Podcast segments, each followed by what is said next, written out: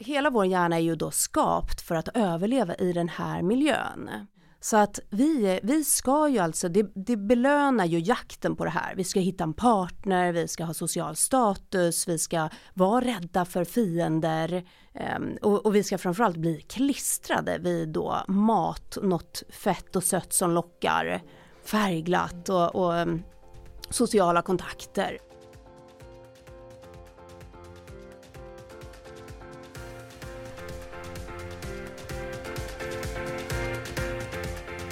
Välkommen till podden Den hållbara hjärnan. Här kommer vi prata om hjärnan, vi kommer prata om signalsubstanser och massa andra spännande saker som kommer hjälpa dig att bli både mer hållbar men också utveckla dig själv. Jag heter Annika Kvist, jag jobbar som föreläsare, författare och coach och jag är bokaktuell med min tredje bok Hjärnsmart. Och jag heter Gabriella Svanberg, är legitimerad psykolog och specialist i neuropsykologi nämligen läran då om hjärnan och våra beteenden kopplat till det. Och vi hoppas att du kommer ta till dig bra verktyg här nu på vägen och inspireras och förhoppningsvis blir lika, lika engagerad i det här med hjärnan som vi är. Men jag tänker så här, nu är det ju nytt år. Vi har precis klivit in i 2024 och nu är ju en bra tid när många vill starta om med nya vanor och man kanske vill hitta den här hållbarheten inför 2024. Så idag ska vi prata om den hållbara hjärnan och vad det faktiskt innebär. Och jag tänker så här att våra hjärnor är ju inte anpassade för vår moderna livsstil. Vår hjärna är 40 000 år gammal. Det har vi ju pratat en del om och hört runt omkring den senaste tiden. Men vad betyder det egentligen att hjärnan är gammal och hur ska vi förhålla oss till det? Vad säger du Gabriella? Ja, Ja, men, ehm, det, det, är ju inte lätt att vara människa idag egentligen. Vi har ju våra gamla stenåldershjärnor. Och men om man tänker hur det var då, man måste ju gå tillbaks till att tänka på det här livet på savannen. Mm. Att det var brist på till exempel eh, mat, energirik mat, det var brist på eh, information och, och sociala kontakter. Och hela vår hjärna är ju då skapt för att överleva i den här miljön. Mm. Så att vi, vi ska ju alltså, det, det belönar ju jakten på det här. Vi ska hitta en partner, vi ska ha social status, vi ska vara rädda för fiender. Mm. Um, och, och, vi ska framförallt bli klistrade vid då mat, något fett och sött som lockar, färgglatt och, och um, sociala kontakter. Och, och som, så det, med, med, med, den vetskapen så är det inte så konstigt att mobilerna till exempel lockar. Och jag tänker så här, man har ju nästan glömt bort tiden innan smartphone. Bara hur mitt eget liv och hur, hur ditt liv kanske har förändrats bara sedan 2007 när den här smartphone kom. Hur man liksom har ändrat sitt beteende bara sedan dess och blivit kanske ännu mer ohållbar än vad man var innan. Ja, ja och, det, och det, det är väl kanske ja, men som du säger, i företagshälsovården då pratar vi ofta om eh, när man fick en utmattning. Då sa vi att det är ju som en överansträngd lårmuskel. Och vad menar man med det? Jo, det är ju då att eh, om en lårmuskel blir överansträngd så förstår vi alla vad det är. Du har tagit i för mycket och den har fått vila för lite. Och en överansträngd hjärna som är så stort idag, all stress och utmattning, det är ju alltså som en överansträngd hjärna likt en lårmuskel då. Så med all denna input som bombarderar oss i stort sett dygnet runt. Mm. Och som du säger med smartphonen, vi kan handla dygnet runt, vi kan jobba dygnet runt. Vi kan göra allt dygnet runt. Mm. Då, då får vi ju inte den här vilan helt enkelt. Eh, som på gymmet, där skulle man inte, man ska inte gymma sju dagar i veckan. Då skulle man säga, jag får ju en överansträngd ja, muskel då. Och det här är ju då skulle jag säga huvudproblemet, det är att vi har ingen naturlig tid för återhämtning. Nej, det är verkligen sant. Så den måste vi lägga in aktivt ja. idag och det är en konst. Mm. Jag tycker det är märkligt för att vi pratar ju oftast om hur man tränar. Om man frågar någon så här, hur tränar du? Säger man, jag tränar på gymmet, jag springer, jag går på crossfit eller vad det nu kan vara. Men vi pratar ju väldigt sällan om mental träning eller hur man tar hand om sin hjärna. Mm. Och det där är ju väldigt spännande. Varför har vi inte gjort det? Varför har vi inte liksom tidigare mm. pratat om hjärnans behov egentligen? Och hur vi ska ta ja, hand om jag, det? Jag kan tänka mig att det, det kanske är först nu det är riktigt aktuellt med tanke på, ja, men som du var inne på, att förut en gång i tiden var det solen som gick ner, då var det lugn och ro. Och jag menar när jag var liten då ringde man absolut inte någon efter klockan tio. Och söndagen var det inte mycket öppet. Alltså vi hade återhämtning inbyggt. Så ja, när jag reflekterar kring det så tänker jag att det är egentligen först nu som ja, vi, vi behöver aktivt lära oss att få hjärnan att stänga av, logga ut, andas. Alltså, give me a break. Ja, men jag, jag håller verkligen med och jag brukar prata med mina barn om det där hur livet var när jag växte upp. Och de kan ju inte förstå, för att de tror att jag är en liksom uråldrig dinosaurie när jag berättar att jag, till exempel där jag bodde och växte upp i Skövde, då var det en buss i timmen som gick hem till mig. Och jag fick ju stå och vänta i 30 minuter ibland på min buss. Oh. Och vad gjorde jag då? Jag reflekterade, jag stod och tänkte på vad som hade hänt under dagen eller vad jag skulle göra sen. Och det, det var ju naturlig reflektion i, inbyggt i vardagen. Jag hade Mm. ingen mobil att titta på eller något annat överhuvudtaget. Och idag så tänker jag på hur de beter sig när de står och väntar på en tunnelbana. Om det är tre minuter så tycker man att det är mycket. Ja. Och så tar man upp sin mobil och så blir man stressad. Och det är väl lite som du är inne på, det här att man vill ha den här kicken då hela tiden. Att man, ja, man, man kan inte bara ta det lugnt, utan man, man tar upp sin mobil, man söker information, man gör någonting annat. Och det där är ju, det är svårt att liksom komma bort ifrån det beteendet, eller hur? Mm. Det, Och det, det är ju faktiskt vad, vår, liksom. vad den här podden kommer att handla om.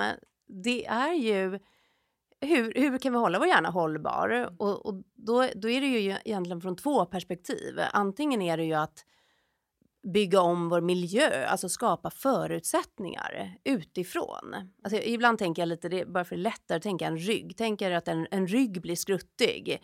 Och det ena är att bygga bänkskivor som är bra och fixa stolar som är bra och allt det här. Det är yttre. Men det andra är ju hur jag förhåller mig, alltså hur jag som människa lyfter, vad jag tänker på. Och, och det är då, så vi, vi kommer ju prata om både beteendedesign och nudging, hur du skapar miljön och också hur du själv som individ kan använda, skapa med ditt mindset. Ett, ett hållbart mindset helt enkelt. Precis. Och jag tror ju nyckeln i det här är att förstå hur hjärnan fungerar och förstå hjärnans behov. Och tänka återigen tillbaka till att men den är fortfarande, den lever fortfarande på savannen, det livet vi levde. Kanske kan vara lite tjatigt att prata om savannen, men samtidigt så viktigt att förstå. Varifrån kommer vi? Och jag tycker kunskapen är ju som nyckeln i det här, att förstå hjärnans behov och utifrån det sen skapa, precis som du är inne på, förutsättningar för att hitta en hållbarhet i vardagen och göra bra val.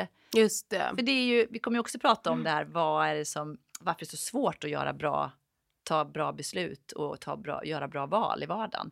Och det kanske är för att vi är så inrutade i det här moderna livsstilen vi har. Så då måste man förstå och sen kliva ut och det, utifrån det kanske ta beslut på hur man vill leva mer hållbart. Och det är inte alltid så lätt. Nej. Nej. Men du, om vi ska knyta ihop det här då? Alltså, alltså få ihop tips nu. Mm. Vad, vad ska vi... Vi ska ändå få lyssnarna här att få lite råd. Det, det är ju faktiskt, vi, det här är ju första avsnittet, men Mm. tanken är ju att varje avsnitt ska ändå avslutas med tre konkreta tips. Så om, om man nu tänker för att, för att hålla oss hållbara. Ja, precis. Och jag tänker så här, det första handlar ju om återhämtning, precis som du var inne på i början här. Att vi inte har det inbyggt i vår vardag, så vi måste skapa utrymme för återhämtning. Både i sitt privata liv men också på jobbet. Ja. Jag möter ju många när jag är ute hos företag som sitter back-to-back-möten eh, på, över Teams, över eh, sina liksom, digitala plattformar. Alternativt så sitter man i möten på kontoret numera, när man är tillbaks på kontoret och tar inte pauser. Nej. Och det blir ju inte bra, eller hur? Nej, det blir, ju, det blir ju verkligen den här överansträngda hjärnan, en överansträngd lårmuskel. Så, och det, och, så att, att inte heller döma det eh, när, när man blir, för vissa får ju, det finns ju något skambelagt i när det gäller hjärnan, men, men att, att se det som en elitidrottsman, att se hjärnan som en, en muskel som vilken som helst som måste få återhämtning, annars blir den överansträngd. Precis. Och jag kan ju tycka också idag så kan jag ju värdesätta personer som tar ansvar för sin tid. Ja, Som säger att jag kan inte gå för jag har ett möte då och jag behöver ta en liten stund emellan. Faktiskt. Det är bättre det än att vara med hela tiden och aldrig ta pauser. Så att precis som du säger, respektera. finns ju någon sån här liten, du, du kommer ju prata i ett annat avsnitt lite mer om tallriksmodellen vet jag, men Men just det här 888 finns ju någon sån om ni vill ha något eh, lite generell regel så är det åtta timmar sömn, åtta timmar eh, aktivt intensivt arbete och åtta timmar ganska soft lek och Ja, fritid. det Det, det är lite bra. Bra! bra Det får bli sån första grejen då. Återhämtning, helt återhämtning, enkelt. Precis. Och vad är nummer två då? Nej, men där tänker väl jag att, att kanske börja med vad kan jag göra i min miljö Mm. Precis. för att ge mig allt ifrån Och miljö menar vi hemma, på kontoret, alltså där jag är Ja, alltså in, inputen utifrån, om, om vår hjärna blir overloaded. Och, och faktiskt kommer de flesta, vi bombarderas ju av intryck både från vår kropp och utifrån och synen är ju, jag, jag, anar, jag tror att det är 70 procent faktiskt av inputs, in, ja, delen. Så att, att faktiskt tänka på att om jag är en person som tar in mycket visuellt, att blunda. Att, att det, det kan också vara alltså att, att ta bort grejer från, från rummet, att sätta mig kanske med lite mer begränsad eh, intrycks... Eh, in, inte kanske äta lunch med kollegorna om jag känner att nu har jag jobbat hårt och nu har jag lunch. Jag, kanske, jag måste, jag måste kanske ändra lite i min vardag helt enkelt. Och jag tänker också på här stänga av notiser, Ja. eh, lägga bort mobilen så att inte den stör. För distraktioner stör ju mycket också Mm. och gör att man helt enkelt inte skapar sig en hållbar miljö över när det liksom piper och skickas eh, liksom små signaler runt omkring hela tiden. Mm. Både, Mm. både hemma men också i sin in arbetsmiljö. Liksom.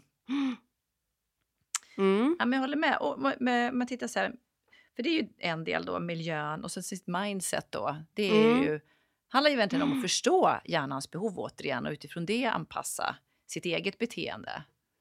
Ja, så det, det här som är, det är så spännande. Om det får vara nummer tre då. Ja. Då tänker jag att, att då är det hur kan jag reglera inputen via mitt mindset. Och, och här handlar det ju också om hur jag tolkar saker. För att det här med när vi blir överansträngda är ju både input men också när jag känner hot utifrån. Alltså jag känner mig otillräcklig. Så när jag känner hjälp, hjälp, jag vet inte om jag klarar det här. Det är då hjärnan är väldigt aktiv på att försöka lösa det här. Medan här finns det ju en hel del tricks då för hur jag med mitt mindset kan eh, skapa det här lugnet helt enkelt. Så jag rekommenderar ju alltid eh, någon form av meditation här. Eh, sen finns det eh, många kreativa sätt att få till det här på. Men att få att stilla ditt sinne ja, det är så viktigt. och vara här och nu till skillnad från en hjärna som tjattrar om ältar kanske allt från dåtiden eller oroar sig för framtiden. Eller här, här finns ju fantastiska strategier för att just vara här och nu. Då är du ju i ett lugn. Så det är ju som en liten inre oas. Ja, precis. Och jag tror också tillbaka till kunskapen är viktig för att förstå, precis som du sa här, att hot är ju starkare än belöning för hjärnan. Så hjärnan stannar ju gärna i hotet längre. Alltså är det inte fem gånger starkare än belöning? Någon Jo. siffra jag hört. Och just att det, det så blir man ju, det triggar snabbare men också att man stannar kvar. Och det är ju så här klassiker, man får en negativ eh, återkoppling på något man har gjort och det är där man stannar och ältar och, och liksom förstorar upp den här frågan istället för att okej, det här är inte farligt på riktigt, det är inte så hotfullt. Jag går vidare. Eh, så är det lätt att stanna kvar i, det är typiskt ett sånt eh, sätt som man kan reglera sitt mindset kanske och förstå att hot är starkare än belöning ur ett överlevnadsperspektiv på savannen för hjärnan. Verkligen. Ja. Det, man vill ju hellre få mat än att bli mat. Ja, ja, eller hur? Så, så att, att, Ja. att vara bra på att se faror, det är ju väldigt bra Ja. överlevnadsmässigt. Det var ju förr i tiden väldigt, det är en styrka. Det tycker jag är viktigt att förstå att det inte är något fel på en för att man stressar upp sig över olika saker och känner sig att man blir hot, hotad så att säga i den dagliga miljön. Det är snarare en överlevnadsinstinkt. Det är ju ett bra sätt att, att överleva på egentligen förr i tiden. Men idag så skapar det en, en ohållbar vardag egentligen. Och då måste man hitta verktyg själv. Men ska vi sammanfatta det här nu då? Mm. Okej, vilka tre tips vill vi då skicka med här nu till lyssnarna? Återhämtning. Se till att få in återhämtning i våran vardag som inte är naturligt idag. Och nummer två. Då är det ju då ändra miljön, skapa förutsättningar för den återhämtning. Vad, vad, och skräddarsydda efter just dig. För att varje hjärna är unik där. Om du tar in mycket input, man är olika till exempel ljudkänslig eller ljuskänslig, olika sinnen. Så, så att fråga dig lite där, vad, vad blir min overload? Vad, vad, vad behöver jag anpassa? Mm. Precis. Och nummer tre så pratar vi mindset, att då med den här kunskapen om hjärnans behov, att själv eh, ha rätt mindset och se vad, vad, förstå att det här är inte så farligt egentligen, till exempel när det kommer till hotfulla miljöer eller vad det nu kan vara. Ja, få, ty mm. få tyst på det här chattrandet ja. som är en konst faktiskt. Ja. Och vara här och nu, som du sa. Det ingår ju i det här att ha liksom ett hållbart mindset. Det får bli också ett eget avsnitt. Ja, det får det bli. Gud, vi har så mycket att prata om ja. i den här podden. ja, nej men alltså härligt. Första avsnittet är avklarat. Ja. ja. Om ni gillar den här podden, dela gärna vidare med era vänner och kollegor och gå in och följ oss på Annika KV och neuropsykologen Gabriella.